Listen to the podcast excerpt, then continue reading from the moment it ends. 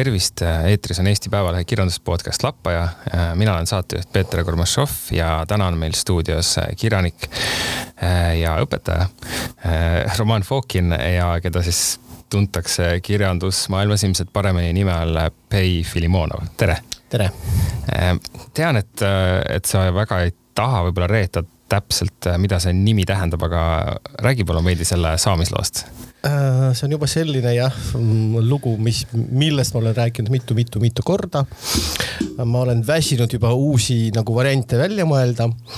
nii et äh, tänapäeva seisuga see, see on lugu, lugu on selline, et äh, ma kunagi jalutasin äh, ühe oma sõbraga äh, ühel kalmistul, ma ei mäleta selle kalmistu nimigi, mis on see kesklinna ei mäleta, vahet ei ole, selle Kalevi staadioni kandis ja, ja siis nägin ühel hauakivil äh, sellist kirja, et, et siia on maetud keegi Pei Filimonov.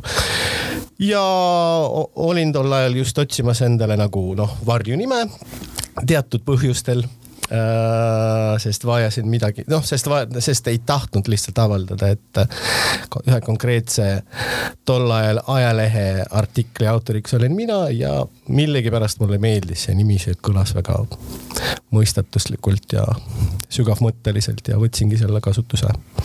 oled sa hiljem seal laua peal käinud ja, ja vaadanud? ei leiaks ei, üles uuesti? usun, et mitte. ja keegi pole küsinud ka ega öelnud, et äh ma ei tea, mõni sugulane pole välja ilmunud? no see on päris levinud nimi tegelikult, nii et ma, ma ei, ei, minu poolest, minu käest pole ke, ke, keegi midagi küsinud selle kohta.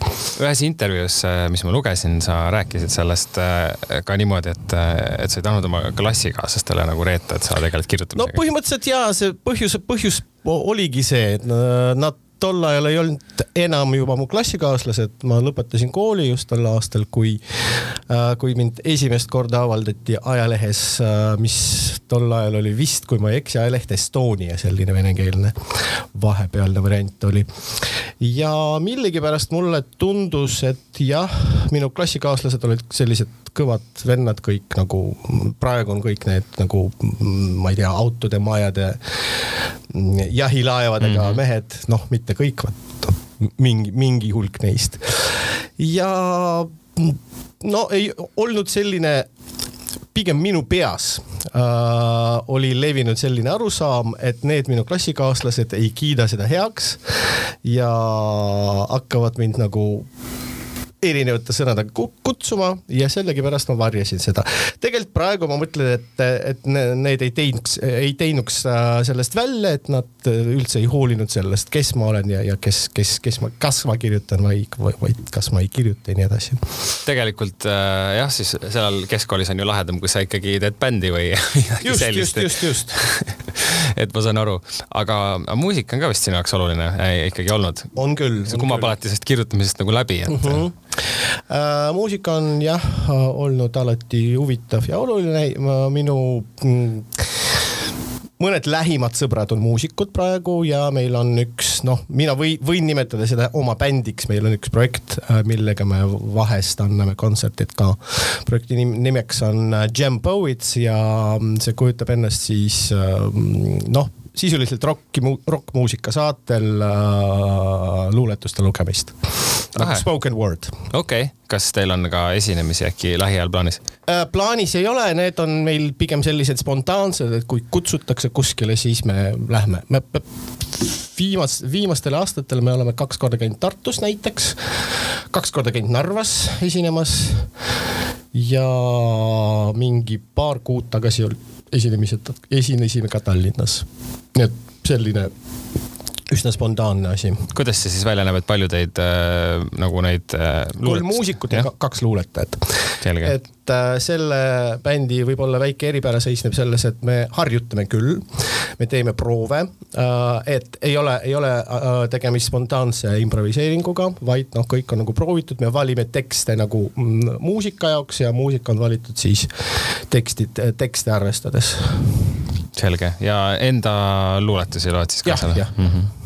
see ähm,, tagasi tulles võib-olla alguse juurde korra veel, et äh, millal sa tundsid, et tahaksid kirjutamisega just raha teenida, et mõtlesid, et ma tegelikult ei mõelnudki rahast mm. äh, algselt, ma lihtsalt, ma mõtlesin pigem. keegi vist ei mõtle väga mm. -hmm, mm ma pigem mõtlesin kuulsusest, sellest mõtlesin küll äh,. et, et ma tahan olla mingis mõttes kuulus, mingis mõttes arvestatav isik ühiskonnas äh,. seda ma teadsin juba, juba aastaid, aastaid tagasi, juba lapsepõlvest saati, ma arvan. ja siis, kui äh, tuli veel välja selline asjaolu, et sellega ka saab nagu midagi teenida, siis no okei okay,, siis ma rõõmustasin ka selle, selle, selle üle uh,. ja siis, kui ma sain aru, et uh, noh arvestades sellega, et mul on ka nagu tunnitöö olemas, et ma olen õpetaja, nagu sa ise ütlesid mm. -hmm. et see kogu kirjandusraha ja kirjandusasjad äh, on nagu lisapalk mm, äh, ja lisa, see lisaraha minu eelarves. ja sellest saab nagu päris normaalselt elada, siis ma olin üsna rahul. ma ei mäleta, millal see arusaam nagu minuni jõudis. ma arvan, et kuskil, kui ma olin mingi, mingi viisteist aastat tagasi äkki, midagi sellist. kui ma sain aru, kui ma ükskord istusin ja hakkasin nagu arvutama ja sain sellise valemi enda jaoks, et see kirjandus toob mulle umbes viiskümmend protsenti rahast. see on ju jah ja., päris, päris töö siis juba sellisel juhul. Äh, kuidas sa saad seda mm, kombineerida enda tööga siis, sa oled Tallinna Teeninduskoolis inglise keele mhm. õpetaja? jah, olen küll. Äh, selle kooli töö on selles, selles suhtes hea, et äh, ma olen vaba ja olen kodus kõige hilisemalt kell, kell kuus õhtul, no see on, see on mõned erandi, üksikud erandijuhtumid. aga reeglina olen ma kodus pool viis või isegi kell kolm, nii et täiesti saab kaks asja teha ja kuidagi selles mõttes äh, siis tuled koju ja hakkad siis õhtuti kirjutama no,, kui kool peab läbi on? nii et äh, sa ütlesid ühes ERR-i intervjuus, et loed päevas viiskümmend lehekülge. kas endiselt peab paika? endiselt peab paika, jah. päris muljetavaldav. No tegelikult see, see, ma loen päris kiiresti ja isegi olenemata keelest juba. kunagi ma lugesin eesti keeles märksa aeglasemini kui vene keeles ja inglise keeles natuke kiiremini kui eesti keeles ja ka jälle aeglasemini kui vene keeles. praegu ma loen umbes kõiges kolmes keeles sama, sama kiirusega ja see viiskümmend lehekülge on umbes tund aega mm et see tegelikult ei ole, ei ole, ei ole eriti muljetavaldav, see, see on nagu noh, tava, tava, tavaline rutiin minul selline. okei okay., ja kirjutamisega, kui palju sa päevas umbes keskmiselt kirja paned, oskad öelda niimoodi? no oleneb, jällegi alates poolest tunnist võib-olla kuni kahe tunnini päevas, no täiesti oleneb. jah, ja võivad olla mingid päevad, kus nagu lihtsalt järjest. kus teed. üldse ei tee ja, ja, ja võib-olla on mõned päevad, kus ma teen seda rohkem mm.. ma vist jäin mõtlema, et eelmine külaline minul siin saates oli Miga Keränen, kellele mhm. samamoodi on ju noh kes ta kirjutab, ta küll kirjutab eesti keeles vist otse, aga, aga ta ütles ka, et tal see lugemine on nagu aeglasem, aga sina mhm. loed juba kolmes keeles sama kiiresti. no suhteliselt mm, -hmm. suhteliselt okei okay., aga töö äh, siis koolis, küsin sult ühe päevakajalise küsimuse, et kuidas sulle tundub, et äh, peaks lahendama selle venekeelse koolihariduse teema Eestis? ma ei ole sellest eriti mõelnud, aga kui küsida minu käest, siis mina pigem paneksin vene koolisid kinni, koolid kinni mm,. okei okay., aga ei jätaks ka algklassidesse mingit vene osa? ei mm, -hmm. ei. Äh, võib-olla ma jätaksin noh, Eesti koolides äh, no tavalistes koolides võimaluse äh, õppida seda vene keelt emakeelina veel lisaks nagu noh, mm. noh, erand nagu erandõpetaja või privaatselt kuidagi niimoodi, võib-olla tasu eest ka, võib-olla ka tasuta, ma ei tea äh,. sellise võimaluse ma oleksin jätnud, aga no see, sest tegelikult ei ole nii, niivõrd, niivõrd keelsuses nendes koolides, kuivõrd meelsuses kahjuks ja paraku nii et mina paneksin neid kinni pigem. ja nii on. sinu praeguses koolis on ka õpe siis vene keeles, eks? ei, praegune kool on kakskeelne. -huh. mul on äh, õpilased nii eestlastest kui ka venelastest. Äh, kool on see, et noh, süsteemi järgi kuuskümmend, nelikümmend protsenti. aga seda vahet on väga hästi näha, kus on eestikeelsed rühmad ja õpilased, kus on venekeelsed rühmad ja õpilased. just nimelt nende meelsuses mm. -hmm no muidugi. kuna me selle teema juures juba praegu oleme, siis sõda on juba päris kaua kestnud Ukrainas, et kui palju sa ise oled, jälgid veel uudiseid? jälgin jah, jälgin äh, iga päev, jälgin iga päev, scroll in ja vaatan, mis, mis seal toimub ja see on päris selline äge teema ja päris valus teema ka äh,. jah, ikka, ikka vaatan, kuidas asjad käivad seal on sul tuttavaid ka, kes on, ma ei tea, kuidagi ühel või teisel pool seotud selle sõjaga? Õnneks ei ole, mul ei ole nagu isiklikke tuttavaid, kes, no ma kindlasti nüüd juba ma, ma pean ütlema, et ma tean inimesi, kes on põgenud, põgenenud sealt, kes elavad praegu Eestis, ma tean ka inimesi, kes on päris mitu inimest, kes on Venemaalt ära, ära põgenenud ka seoses sama, sama sõna, sõjaga ja samuti elavad praegu Eestis, Tallinnas. aga need ei ole, ei olnud vähemalt enne sõda minu mm, lähituttavate ringkonnas äh,. nii et nagu selliseid inimesi, kelle, kelle poolest ma oleksin mures, mul õnneks ei ole mm -hmm. ja ei olnud huvitav, kas Vene, siis nagu see Eesti-Vene kultuuriskeene saab täiendust, et Riiga on ju väga paljud läinud ka. ma loodan, ma loodan sellele küll jah, sest äh, tõ, tõepoolest äh, need inimesed, kes on siia, siia Venemaalt tulnud, äh, noh, need uued emigrandid praegu, mm -hmm. nõndanimetatud režiimi põgenikud, põgenikud yeah. on vabameelsed, on kultuurilised inimesed ja ma väga loodan, et nad muudavad selle Eesti-Vene ja ka miks, miks ka Eesti-Eesti kultuuri, kultuurilise maastiku yeah.. selles mõttes see on nagu ähm,, nagu mingi uus tuul, uus äh, õhk, uus, uus mingid uued, uued värgid. jah, ja kind, kindlasti muutuvad asjad mm -hmm. praegu, et äh, ka jällegi sa oled varem öelnud, et eesti-vene kirjanikke on võib-olla ainult viis tükki praegu. no ongi nii, ongi nii Ivanov, Skulska ja sina ja siis veel kaks. noh, Kotjuh ja, ja Kotjuh. Karaev mõnes mõttes. jah ja. ja et see ringkond on üsna, üsna väike nagu ja, võrreldes, äh, kõik teavad kõiki. absoluutselt jah nii, nii ongi. ei, ei ütleks, et kõik suhtlevad kõiki, kõigiga, aga noh, jah, teavad ilmselt küll. minu meelest on see väga, kuna ma olen ise pikalt ka välismaal elanud, siis minu meelest, siis ma kujutan umbes ette, noh, mul on ka vene juured, aga mitte nüüd, noh, vanaisa oli venelane, et mm -hmm. see, see ei ole nagu täpselt sama, aga ikkagi noh, minu meelest on hästi hea see kõrvalpilk, mis äh, nagu noh, teie kõigi raamatuid või loomingut lugedes on äh, nagu Eesti elule, et see on väga nagu vajalik. no siis on hea et seal on mingeid asju, mida noh, inimene, kes on võib-olla seal kultuuri sees nii klassikalises mõttes võib-olla ei oska märgata lihtsalt. no võib-olla jah, sest noh, mul on loomulikult tuttavaid eestlastest äh, ja ma noh, suhtlen ka eestlastega päris palju ja päris ammu ja päris no mitmega. aga jah, see, see, see pilk on tõesti natuke, natuke kõrvalt siiski erinevatel põhjustel jällegi. jah, just äh, ja veel üks asi, mis mulle su loomingu puhul silma torkab, on selline maagiline realism, mis nagu läbib kõiki neid asju.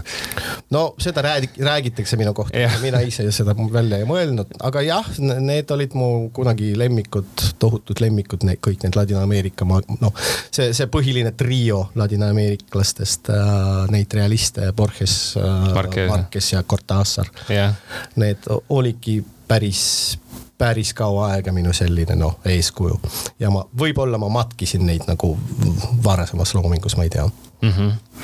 On... nii et jäi külge kuidagi. jah, see on ja need on minu meelest ka väga nagu huvitavad kirjanikud või ja ole kõiki, no enamusi neist olen lugenud, aga äh, Mehis Heinsaar teeb sedasama asja minu meelest Eesti kirjanduses ka natukene. noh, natuke teistmoodi, sellepärast ma, ma tõlkisin ühe Heinsaare raamatu kunagi päris ammu. tegelikult ma tõlkisin kahte, lihtsalt see teine on siiamaani avaldamata ja noh, oli kahtlane lugu seal, ei taha sellest rääkida uh,. nii et üks on, üks oli avaldatud isegi, venekeelne Heinsaar minu tõlges ja ma tundsin, et jah, see, see on kirjanik, kes on, kes on minule huvitav huvit-, minule huvitav, kes on minule lähedane võib-olla, kes, kellega võib-olla ma tahaksin, ma ei tea, rääkida, suhelda, mm, ühes lauas istuda. siiamaani pole see õnnestunud, aga ma ei, ei anna lootust ära. pead Tartusse minema? jah aga see maagiline realism lihtsalt Eesti kirjanduses tundub hästi töötavat, arvestades eestlaste seda maailmapilti, selline noh, müstika ja sellise looduse armastust. no kui me võtame sedasama Heinsaart ja näiteks mind, me oleme täiesti erinevad maagilised realistid, sest Heinsaare maagiline realism tõesti on seotud looduse, on seotud Eesti metsa, Eesti, ma ei tea loomade, lindude, putukatega ja nii edasi. mina ei ole absoluutselt looduse inimene, ma ei noh, ja ma käisin paar päeva taga, paar päeva tagasi, eile ma käisin Narvas looduses ja põhimõtteliselt see põhiline looduse nagu pauk, mis ma sain, on need sääsed kes on no, absoluutselt, ma ei tea, pommitaksin neid nagu venelased ukrainlasi praegu. et, et, et. Nad on üsna kurjad sel aastal. absoluutselt jah, ja see minu maagilisus ja mm, see maagia, mis mind nagu mm, köidab ja kottib, on pigem selline äh, linnamaagia, selline, mis on seotud, ma ei tea, transpordi, hoonde mm, poodidega ja nii edasi, nii edasi. nii et äh, selles mõttes äh, jah, veidi erinev. mingi selline olmemaagia? jah jah, okei okay. mõtlen, mis on Eestis maagilised linnad. Berliin on väga maagiline linn. Pole käinud uh,. ma ei tea, kõige maagilisem Eesti linn. ei teagi, vist Tartu ilmselt, ilmselt Tartu ongi. vist ikkagi on jah ja., ma olen ka, pean nõustuma. jah mainisid äh, luulet, keda sa oled Eesti autoritest äh, tõlkinud uh,? päris mitu neid on, Jürgen Rooste uh,, Maarja Kangro uh,, Andra Teede kunagi uh,, Kaplinskit ka mm. -hmm. Uh, Jaan Rahman millegipärast tuleb meelde uh,. veel päris, päris mitu neid oli, ma isegi isegi vist Trubetskit mingit laulut olen nagu tekstidena tõlkinud, kui ma ei eksi mm.. päris, päris mitu. Kas... kõike ei mäleta praegu. jah, arusaadav muidugi.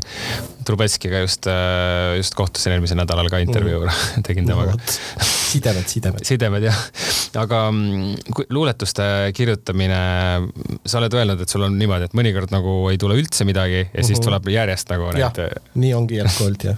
praegu on selline periood, kus ei tule midagi. ma ei tea, kas on, ei, ilmselt ei ole söega seotud, sest see alguses tuli päris järjest. ei tea, äkki suvega on seotud jah, see on see ütlus, et luules ei tule tuulest, midagi sellist. jah, no luule on puhas, puhas selline inspiratsiooni asi. ta tuleb ta tuleb kuskilt, ei tea kust, ei tea kuidas. jah, aga proosa nõuab seda istumist ja mõtlemist ja keskendumist ja. jah, luule on selline nagu kiire idee, et paned kirja, siis pärast, eks ju, natuke toimetada, aga enam-vähem sama no,. reeglina ma ei toimeta oma, oma luuletekste mm. -hmm äh, väga harva, aga jah, no põhimõtteliselt jah, luule tõesti on tuulest tulnud ja siis viidud ka äh, lühijutte oled ka kirjutanud ja üks põhjusi, miks ma kutsusin su täna ka siia tegelikult on see, et Eesti novell on ju jälle ilmunud ja, ja seal on sinul selline jutt nagu Viies. ja kolmas aastat järjest olen Eesti novelli sees, jah. jess väga hea, see on ikkagi tunnustus. ja, ja, ja ma mõtlesin ka, et, et jah päris huvitav ja sel aastal oli kõige huvitavam esitlus. selle raamatu esitlus oli juuni alguses, kasvõi kohe esimesel või teisel. jah, EKKM-is vist. ja, ja just, just, just, oli väga kena üritus ja see viies on tõesti sees jah. kas äh,, räägi palun sellest loost, et meil on seal äh,, mulle natuke see tuli meelde millegipärast see Vodolaskini Aviator, ma ei tea, miks ei tea, miks. Äh, see oli teine lugu, mis ma kirjutasin algusest peale eesti keeles. jah um,. ahah, okei okay,, huvitav. Mm, seda ei tõlgitud, no seda toimetati kindlasti mitme inimeste poolt, aga noh, jaa.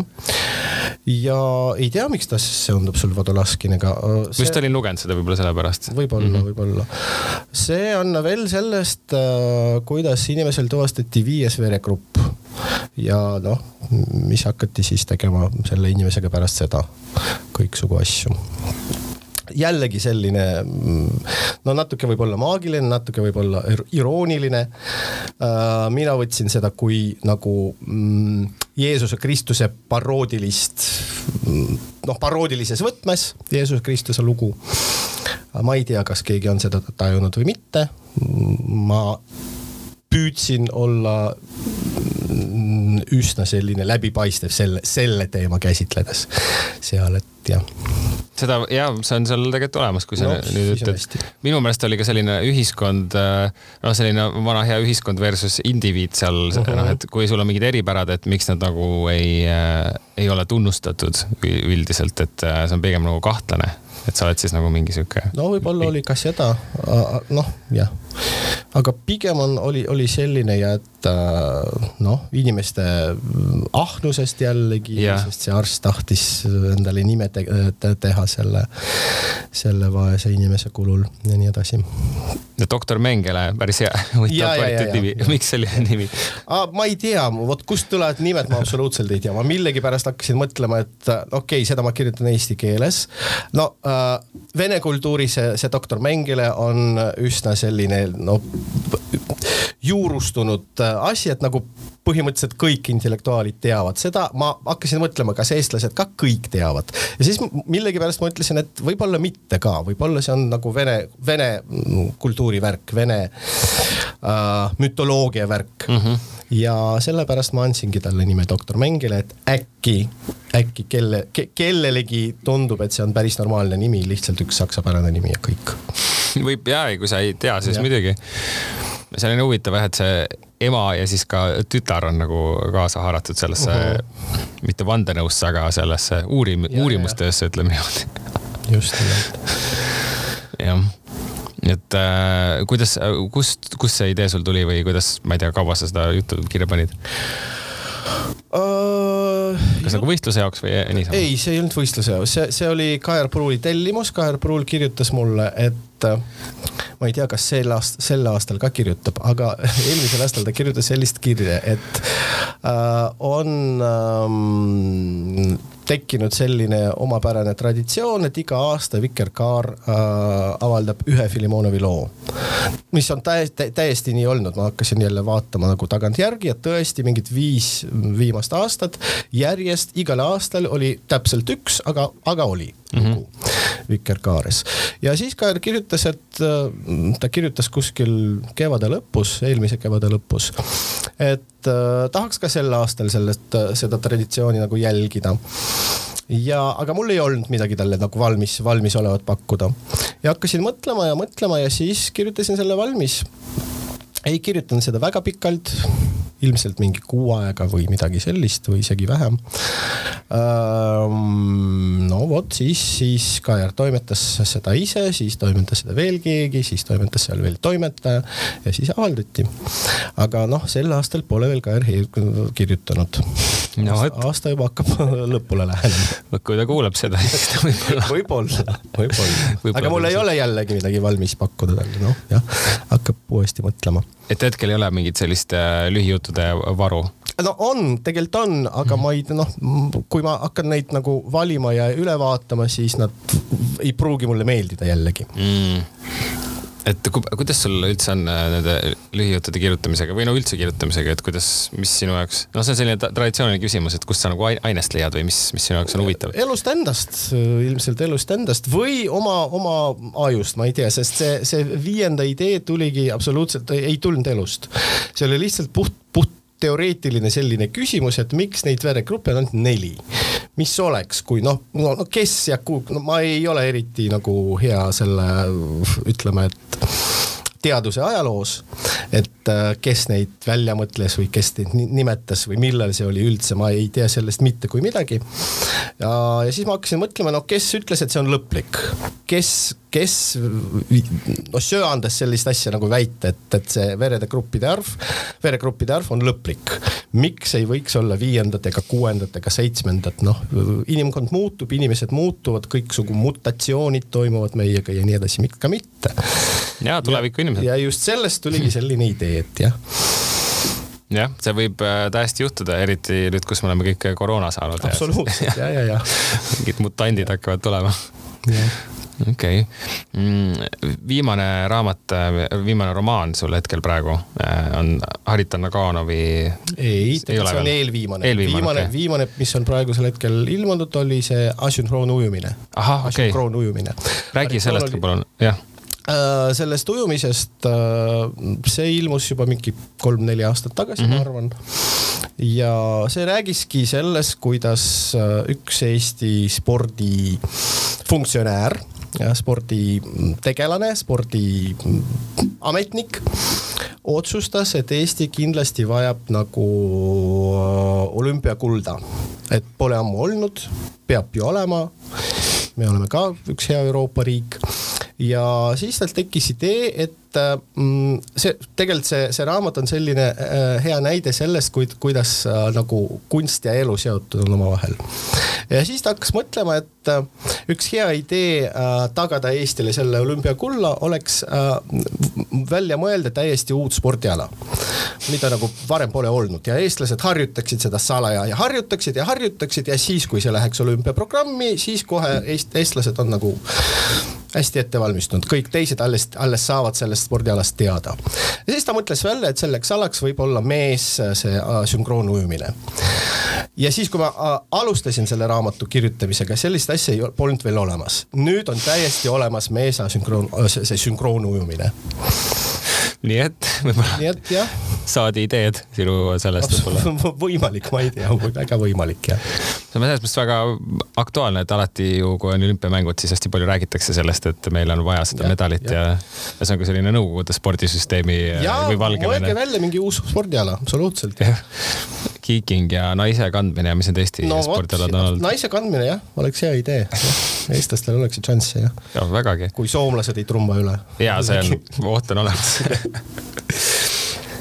okei okay, ja Haritan Naganov jah, ütles tegelikult enne mm -hmm. seda eh, Haritan Naganovi Surm ja aetus libabiograafia. seda lugedes eh, tundus küll, et see on nagu päris, päris raamat noh, et nii. mis mõttes päris raamat? ei, päris raamat selles mõttes, et nagu päris tegelastest. ja nii oligi äh,, välja arvatud ise Hariton äh,. ma ütleksin, et enamus teisi tegelasi on ja äh, tõesti päris, päris elust võetud jah. et äh, noh, selline minul seostus see väga, kuna ma õppisin Tartus kunagi semiootikat ja siis pärast uh mhm. -huh. Berliinis elades olid ka umbes samasugused tegelased ümberringi, siis noh uh. Mhm. -huh. kui ma olin kooli viimases klassis, siis mm, mõned meie kooli vilistlased, kes, kes on juba kooli lõpetanud, läksid Tartusse õppima just semiootikat. tulid siis noh, kas kooli vaheaedeks või lihtsalt nädalavahetusteks tagasi ja suhtlesid meiega ja sealt, no vot sealt sain ma sellise tunde, et millised need on, need semiootikud ja, ja kuidas nad suhtuvad teistesse inimestesse. kuidas nad suhtusid siis um,? üleolevalt natuke ja?. jah ja sest semiootik on ju kõige tähtsam inimene maailmas, nagu teada. ja seda kindlasti, tähtsam kui filosoof isegi. absoluutselt, absoluutselt jah. sul on küll lugu Lotmanist, Juri Lotmanist kirjutatud mm. -hmm, kunagi oli. kas nemad andsid ka selleks ainest või kuidas see tekkis? ei, see, see lugu jällegi äh, oli nagu tellimuslugu jällegi Kaer tellis äh, ja, ja, siis meil oli selline jutt, et ma kirjutasin midagi ajaloolist. Ja äh, ajaloost meeldivad mulle kõige rohkem sellised ootamatud äh, kokkusattumused ja, ja kokku, kokkulangevused. Ja siis ma hakkasin vaatama ja uurima Eesti uuema aja ajalugu, ajalugu ja leidsin sellise asja, et äh, Edgar Savisaar sündis samal aastal, kui Lotmund Eestisse tuli ja sellest teke-, sellist sündis see lugu põhimõtteliselt, et, et nad võiksid ju olla kuidagi seotud no,, nii, nii erinevad kujud. aga tegelikult neil on tegelikult mingi seos olemas omavahel. ja seal loos vist ta sõidab, kas sõidab rongiga on? ta sõidab rongiga ja Piiterist Tallinnasse jah. ja sõidab ta sõduriga, kes töötab äh, Harku vanglas äh, turvamehena ja nagu mina sain tol ajal teada äh,, Savisaare ema sünnitas ta äh, Har Harku vanglas. Tõesti, nii et kõik pusletükid lähevad kokku. Ma sain muide Trubetskitena mainisin tema käest mõistatused, mis linnas elasid kahekümnenda sajandi alguses Lenin, Hitler, Freud ja Tito ja Stalin Euroopas. üheskoos? jah see oli ja, et nad on ka kokku puutunud igatahes, Viinis elasid nad. Oh.. see oli päris huvitav teadmine, nii et mõnikord jah. Ja., võib-olla mingi jutuaines sulle. Absoluutselt jah, huvitav, huvitav. Mm aga semiootikud ja Lotman äh,, jaa, Lotman ju üheksakümmend kolm suri, kui ma ei eksi, see paljud, kes on tema loengutes käinud, on öelnud, et see oli ikkagi väga noh, no mina ei ole käinud, ma ei tea, ma, ma tean ainult nagu nende, nende inimeste suude kaudu, kes on käinud, võib, võib-olla isegi nende inimeste no, juttude järgi, kes on kuulnud jutud inimestelt, kes on käinud. niimoodi lausa. aga teised inimesed, kes sind ümbritsesid, seal on nagu väga lahedasti ja minu meelest väga täpselt ära kirjeldatud, millised olid kunstnikud, millised olid luuletajad ja millised olid muusikud. et äh, sellised tüpaažid äh, ümbritsesid sind absoluutselt ja ümbritsevad siiamaani. ja ega nad ei ole muutunud eriti. no nad on muutunud selles mõttes, et äh, need, kes on jäid nagu, kes jäid nagu sinna, kes jäid äh, Hariton Haganovi raamatu nagu tegelaste hulka, nendega ma üritan mitte suhelda praegu enam. ma saan aru. Need, kes on midagi ikkagi, ikkagi saavutanud selles elus ja, ja, ja oma loomingus, need ikkagi jä, jä, ümbritsevad mind nagu jätkuvalt aga need, kes jäid nagu sinna samale arengutasemele nii-öelda. Neid on, neid on päris palju tegelikult.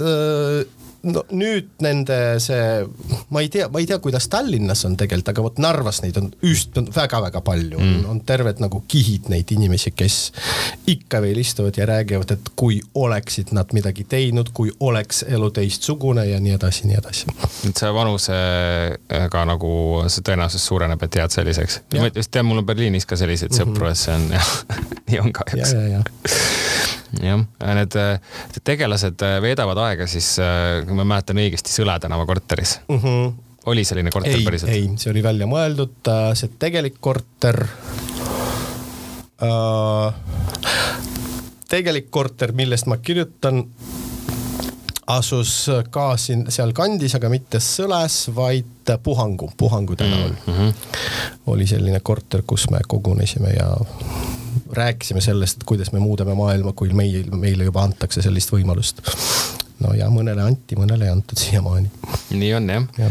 aga Hariton ise oli nagu pigem selline koondkuju või? Hariton ise on välja mõeldud ja koondkuju jah äh,, ma tahtsin kirjutada, sest äh, äh, tegelikult ja sellest äh, Haritonist on selline lugu, et äh, jällegi, jällegi, kui ma olin viimasel äh,, viimase, viimases kooliklassis äh, ühel minu tolleaegsel sõbral oli omakorda üks sõber, kellest ta kogu aeg, kogu aeg äh, mulle pajatas. et äh, too olevat seda teinud ja too olevat seda näinud ja too olevat seda saavutanud ja nii edasi, mina olen küll seda kolmandat inimest näinud, olen isegi temaga rääkinud, aga niivõrd noh, lühidalt, et, et äh, see, see inimene oli, oli nagu minu jaoks mingi müstiline selline kuju, kes on kõikjal käinud, kes on kõike teinud, kes on kõike näinud, kes on kõike saavutanud, kes on, kellesse oli ta kõik meie tüdrukud armunud mm., absoluutselt kõik ja kes on kõigega nendest maganud, absoluutselt kõigega, kaasa arvatud võib-olla isegi mu sõbraga, ma ei tea mm. -hmm. Ja mina nagu ei teadnud sellest inimest mitte kui midagi, ainult et ta eksisteerib ja et ta näeb välja selline ja vot see on natuke Haritoni moodi selline inimene, kes ma millegipärast arvan, et umbes igaühel meist on nooruses selline kuju vot selline poolmüstiline kuju, kes, keda ta tahab matkida ja, ja, ja, ja kelleks ta tahab olla. võib-olla, sest kindlasti jah. no vot, Hariton ongi selline inimene kogu sellele venekeelsele põlvkonnale. poolmüütiline ja jällegi mm -hmm. minu meelest ma juba nägin seda kuskil arvustuses või mujal, et see nagu see Voltaire'i lause, et kui jumalat pole olemas, siis tuleks ta välja mõelda. jah, just, just jah. täpselt nii oligi. ja see üheksakümnendate pilt, mida me seal näeme, see on noh, nii see oli, nii see oligi tol, tollal. no vähemalt äh, see oli nii, kuidas mina seda nägin, kuidas mina seda mäletan uh,. tol ajal ma olin noh uh, kui ma olin ülikoolis, siis ma ei mm,, ei, ei olnud veel sellistes no kunstnike, näitlejate, kirjanike, muusikute ringkonnas, mul, mul oli täiesti normaalsed, normaalsed sõbrad äh, kes õppisid pedas, kes õppisid, kes vene, kes inglise, kes eesti filoloogiat. -hmm. vajalikke asju. jah, absoluutselt ja, ja, ja, ja, ja põhimõtteliselt, põhimõtteliselt, mis me tegime, me nagu äh, tulime nädalavahetustel kokku, jõime, ma ei mäleta, mida me jõime tol ajal. kindlasti mitte viina, ja vist ka mitte õlut, veini järelikult. kuulasime muusikat, arutasime seda ja flirtisime tüdrukutega. see oli põhimõtteliselt kõik äh, ja noh, aga samas äh, mõni minu sõber oli juba selline, kes, kes juba suhtles mingi psühhoterroribängi, bändi liikmetega mm. -hmm. Frediga. Mm, veel mingisuguste bändi liikmetega. üks minu sõber magas ühe kunstnik, kunstnikust naisega ja nii edasi, nii edasi, nii edasi, nii et kõik need nagu muljed nagu äh, koondusid ja koondusid ja, ja see on selline, kuidas mina nägin tolleaegset elu, tolleaegset nende elu, kuhu mina tol ajal ei kuulunud. võib-olla natuke kadedust oli seal ka, aga noh no, aga, aga jah, võib-olla ka ei olnud, ma ei tea seal raamatu esitlusel Juku-Kalle Raid küsis, et noh, mida sa rääkisid talle ka ja oled minu meelest veel rääkinud, et, et Eest- või nagu siis noh, et see Vene ringkond nagu ei saanud väga aru, mis toimub, et mis, et mis taasise seismine ja mis üldse ja, käib. jah, see oli väga huvitav, vot sellest, sellest ma juba hakkasin nagu teadlikult mõtlema juba noh siis, kui kirjutasin Naganovit uh,. jah uh,, ma ja, aastal üheksakümmend üks olin ma kuusteist aastat vana. ma küll mäletan, et uh, Hirve pargis olid mingisugused miitingid, et, et uh, lauldi nagu ümberringi peaaegu iga päev, et et ma vist isegi oma silmadega nägin seda Vene tanki kuskil äh, kaugelt, aga absoluutselt ei olnud mingit arusaama, et, et on toimumas ajaloolised sündmused.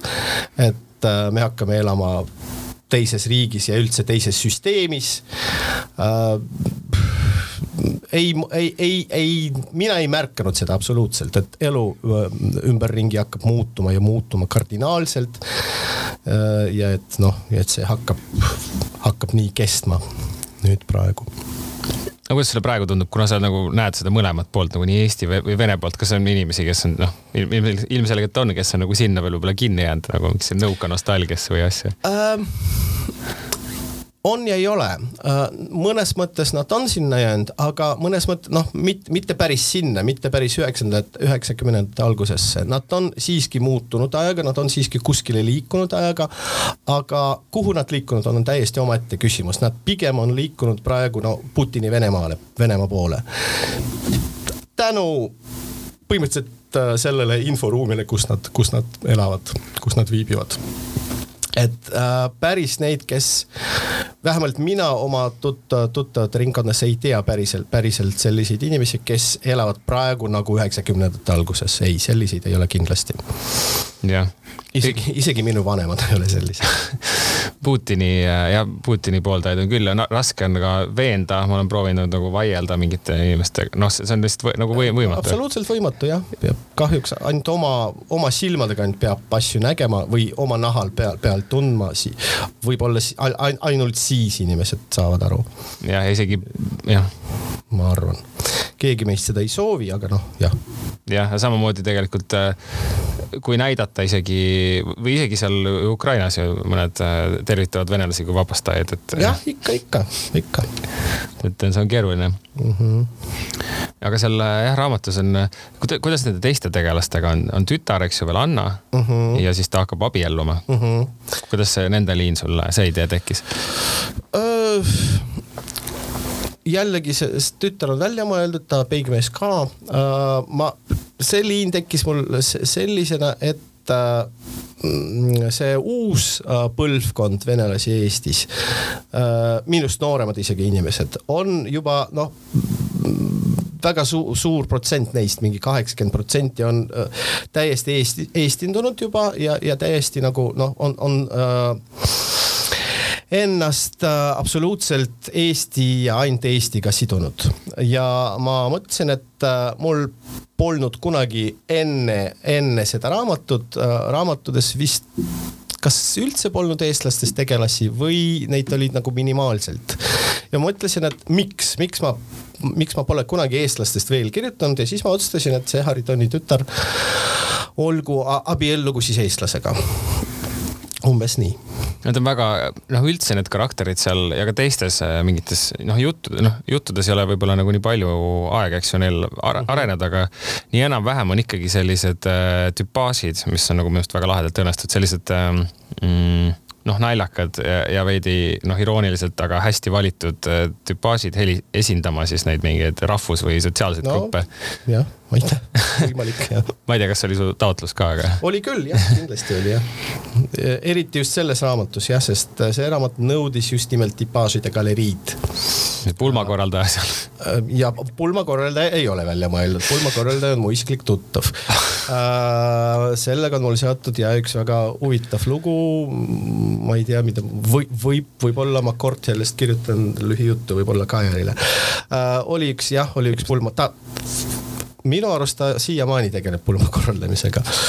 Ähm, üks mu tuttav, kes kunagi elas Keila linnas, ma ei tea, kas praegu, praegu elab ka, praegu me ei suhtle äh, tegeles siis või ilmselt ka tegeleb siiamaani pulma korraldamisega, noh täiesti selline vene pulma korraldamisega, mm, matrjoškadega ja mm, -hmm. ja viinaga ja balalaikadega, selline tüüpiline mm, vene selli-, sellis-, sellises vene stiilis, mis tegelikult ei, ei, ei oma midagi, midagi nagu äh, ühist äh, vene reaalsusega. sihuke grandioosne. no absoluutselt, selline grandioosne, selline jah, natuke rasputinlik Venemaa. ja, ja, ja. ja siis tal oli üks klient ja ta tegi, et mina, et, et noh, okei okay,, ta tegi, et ma räägin inglise keelt ja tal oli üks klient, kes abi-, kohalik venelanna, Eestist venelanna, kes abiellus soomlasega ja see pulm toimus Helsingi, mitte isegi Helsingis, Soomes. kuskil, isegi mitte, jah, ei ole nii oluline, kus, kus konkreetselt. ja siis ta ütles mulle, et kas sa aitad mind selle, selle pulma korraldamises, ma, ma küsisin, et kuidas ma aitan sind, sind.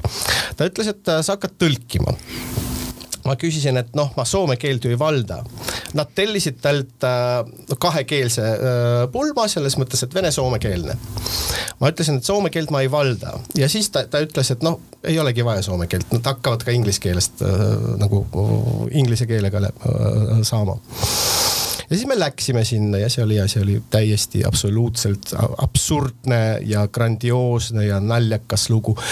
näiteks äh, see kõik algas sellest, et äh, meid oli kolm tükki seal, mina tõlkijana, korraldaja ja õhtujuht ja see diskor ja see õhtujuhist äh, naine ütles meile äh, õhtu alguses, et meie korraldajatena absoluutselt ei joo, me peame olema täiesti kained, et äh, ükskõik, mis ei toimuks.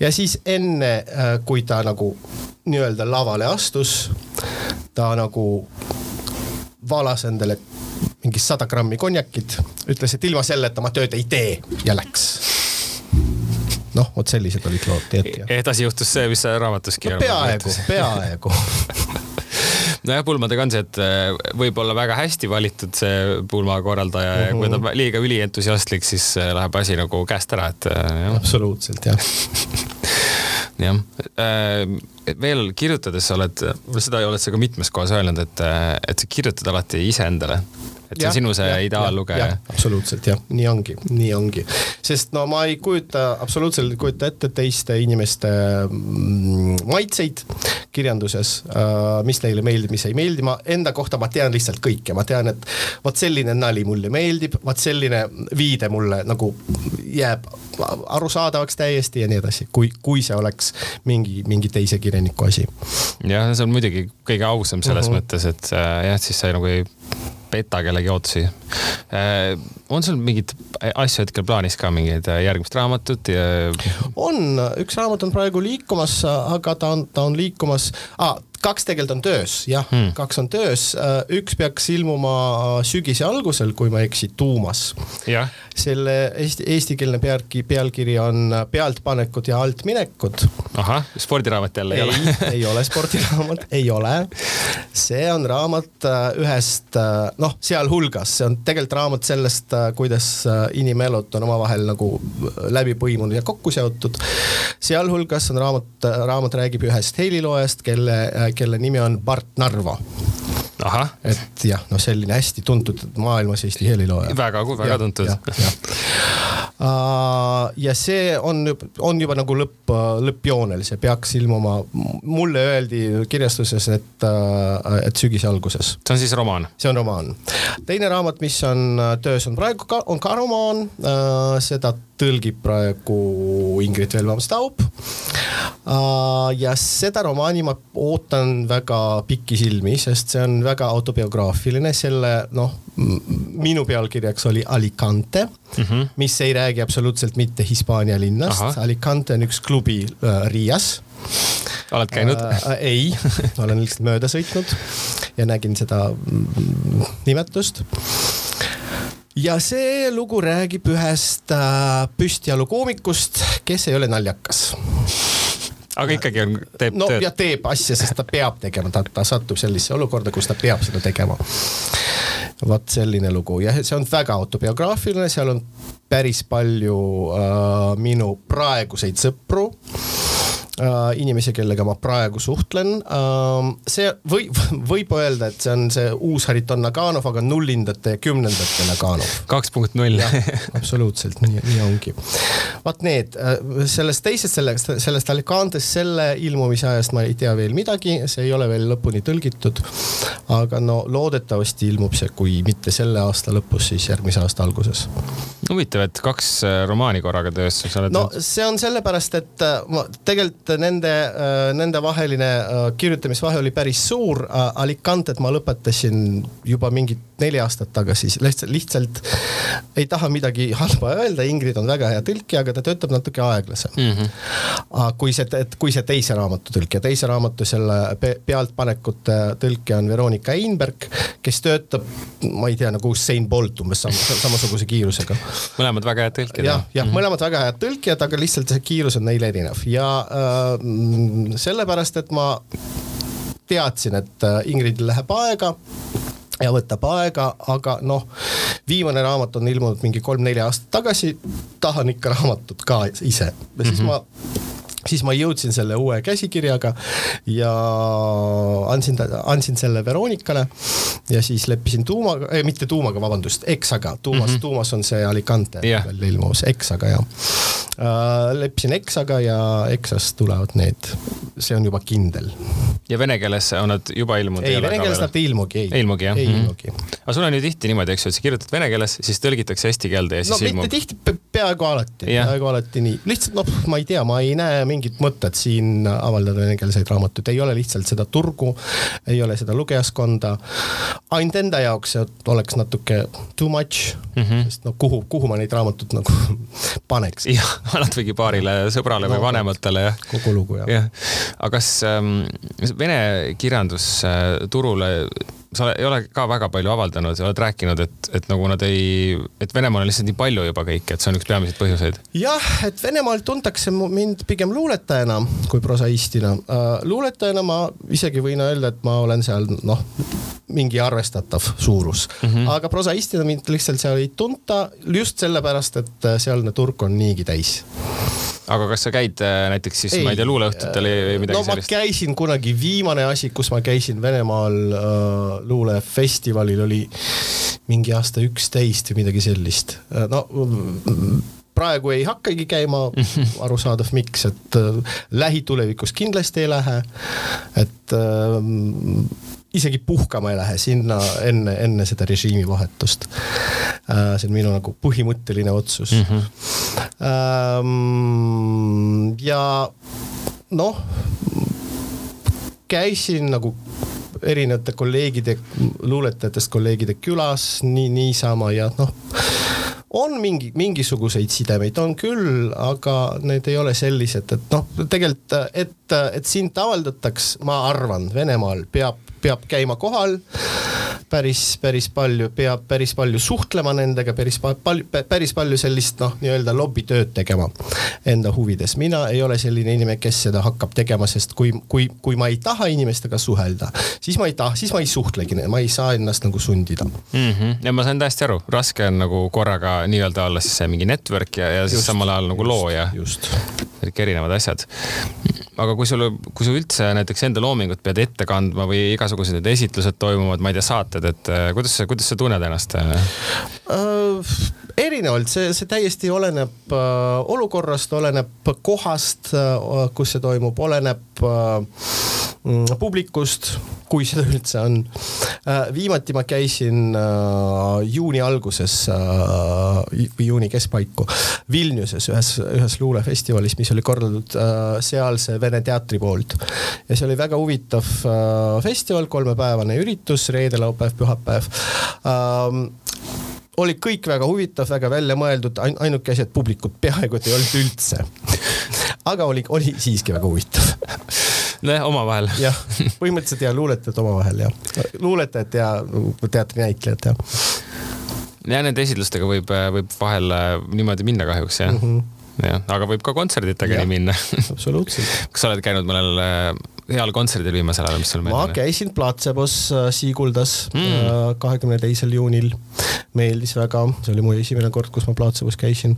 Ja see suvi on tõesti väga kontserdirikas ja täis, ma lähen Nick, ootan jällegi pikisilmi Nick Cave'i Haapsalust näiteks. Mm, -hmm. absoluutselt ihaldan teda. ka üks poeet. Ja, ja, ja, ja siis mul on pilet ka olemas äh, Sigur Rossile, mis on sügisel Riias, kui ma ei eksi. Mm, -hmm. ja Tallinnas Alexelas on Dead Can Dance ka sügisel, nii et jah, ka neid ootan. ja, sest Dead Can Dance ma nägin ka, et tuleb. Äh, mina käisin Iggy Popi kuulamas Alexelas. seda ma ainult äh, pilte, pilte nägin. kas sa mõnda, pilli ka mängid? ei, kunagi, kunagi mind õpetati mängida ukuleelet. Äh, kahte lugu ma kunagi oskasin, praegu vist enam ei oska. ei, pille ma kahjuks ei mängi siis jäävad need kastanjetid või mis need ja, on? jah, jah, jah, või need marakassid. marakassid ja nagu see Mick Jaggeril. just, täpselt nii aga tore, ähm, küsin su käest lõpetuseks veel sellist asja, et äh, mida sa oled viimasel ajal lugenud ja mis on sulle muljet avaldanud mm? -hmm, see on väga ajapärane küsimus, sest just praegu ma, ma olen pooleli äh, ühes raamatus, mida ma jällegi, millest ma olen väga suures vaimustuses äh,. ma pole seda kunagi äh, varem lugenud ja nüüd nagu avastasin enda jaoks, see on Gaimani ja Pratchetti ühine, ühine raamat, ma loen seda inglise keeles. Ingliskeelne pealkiri on Good Omens lugu põhimõtteliselt ebaõnnestunud, ebaõnnestunud maailma lõpust ja see on nii naljakas, et ma lausa no isegi kui ma omaette ette loen seda, ma, ma, ma naeran nagu no, kõva häälega. Nad on mõlemad suured ja, muidugi koomikud jah no mis seal, kuidas nad selle koos siis kirja panid või? seda ma ei tea, ma pole seda uurinud, võib-olla siis, kui lõpetan raamatu, siis vaatan. Jah, ja mis, kuidas see umbes toimub, võib-olla algust saad natuke rääkida uh,? see on niimoodi, et uh, see tegelikult vist on um, inspireerinud, inspireeritud uh, filmist Omen, mis kunagi oli neljajaoline la lausa see Andi, Andi Kristuselt. ja aga selles raamatus uh, noh, nagu toimub selline asi, et seda antikristust pannakse juhuslikult valesse peresse. ja ta nagu kasvab üles täiesti normaalseks inimeseks, täiesti normaalseks poisiks. Äh, näiteks äh, antikristusel kas, kas apokalüpsi järel või ma, ma ei, ma ei tea, mille järgi või selle filmi oomeni järgi pidi olema mingi suur-suur uh, koer mis on põrgust pärit, mingi suur must hirmus koer. ja siis, kui see koer ilmub äh, sellele poisikesele, kes praegu kasvab täiesti normaalses peres, siis ta tundis nagu, mis see poisike tahtis ja nagu ise, iseenesest muutis väikseks nunnuks koeraks. ja nüüd, nüüd praegu ongi mul tuleb see tuttav ette, vist olen seda esimest äh, osa tegelikult näinud, sest mul on äh, kaks sõpra, kes on väga suured Pratchett ja selle mm -hmm. Neil Gaimani fännid mm -hmm. ja ma olen kunagi, jah, see film tuleb mulle tuttav ette aga aitäh selle soovituse eest ja aitäh saatesse tulemast ja ilusat suve. kutsumast jah, sulle ka. aitäh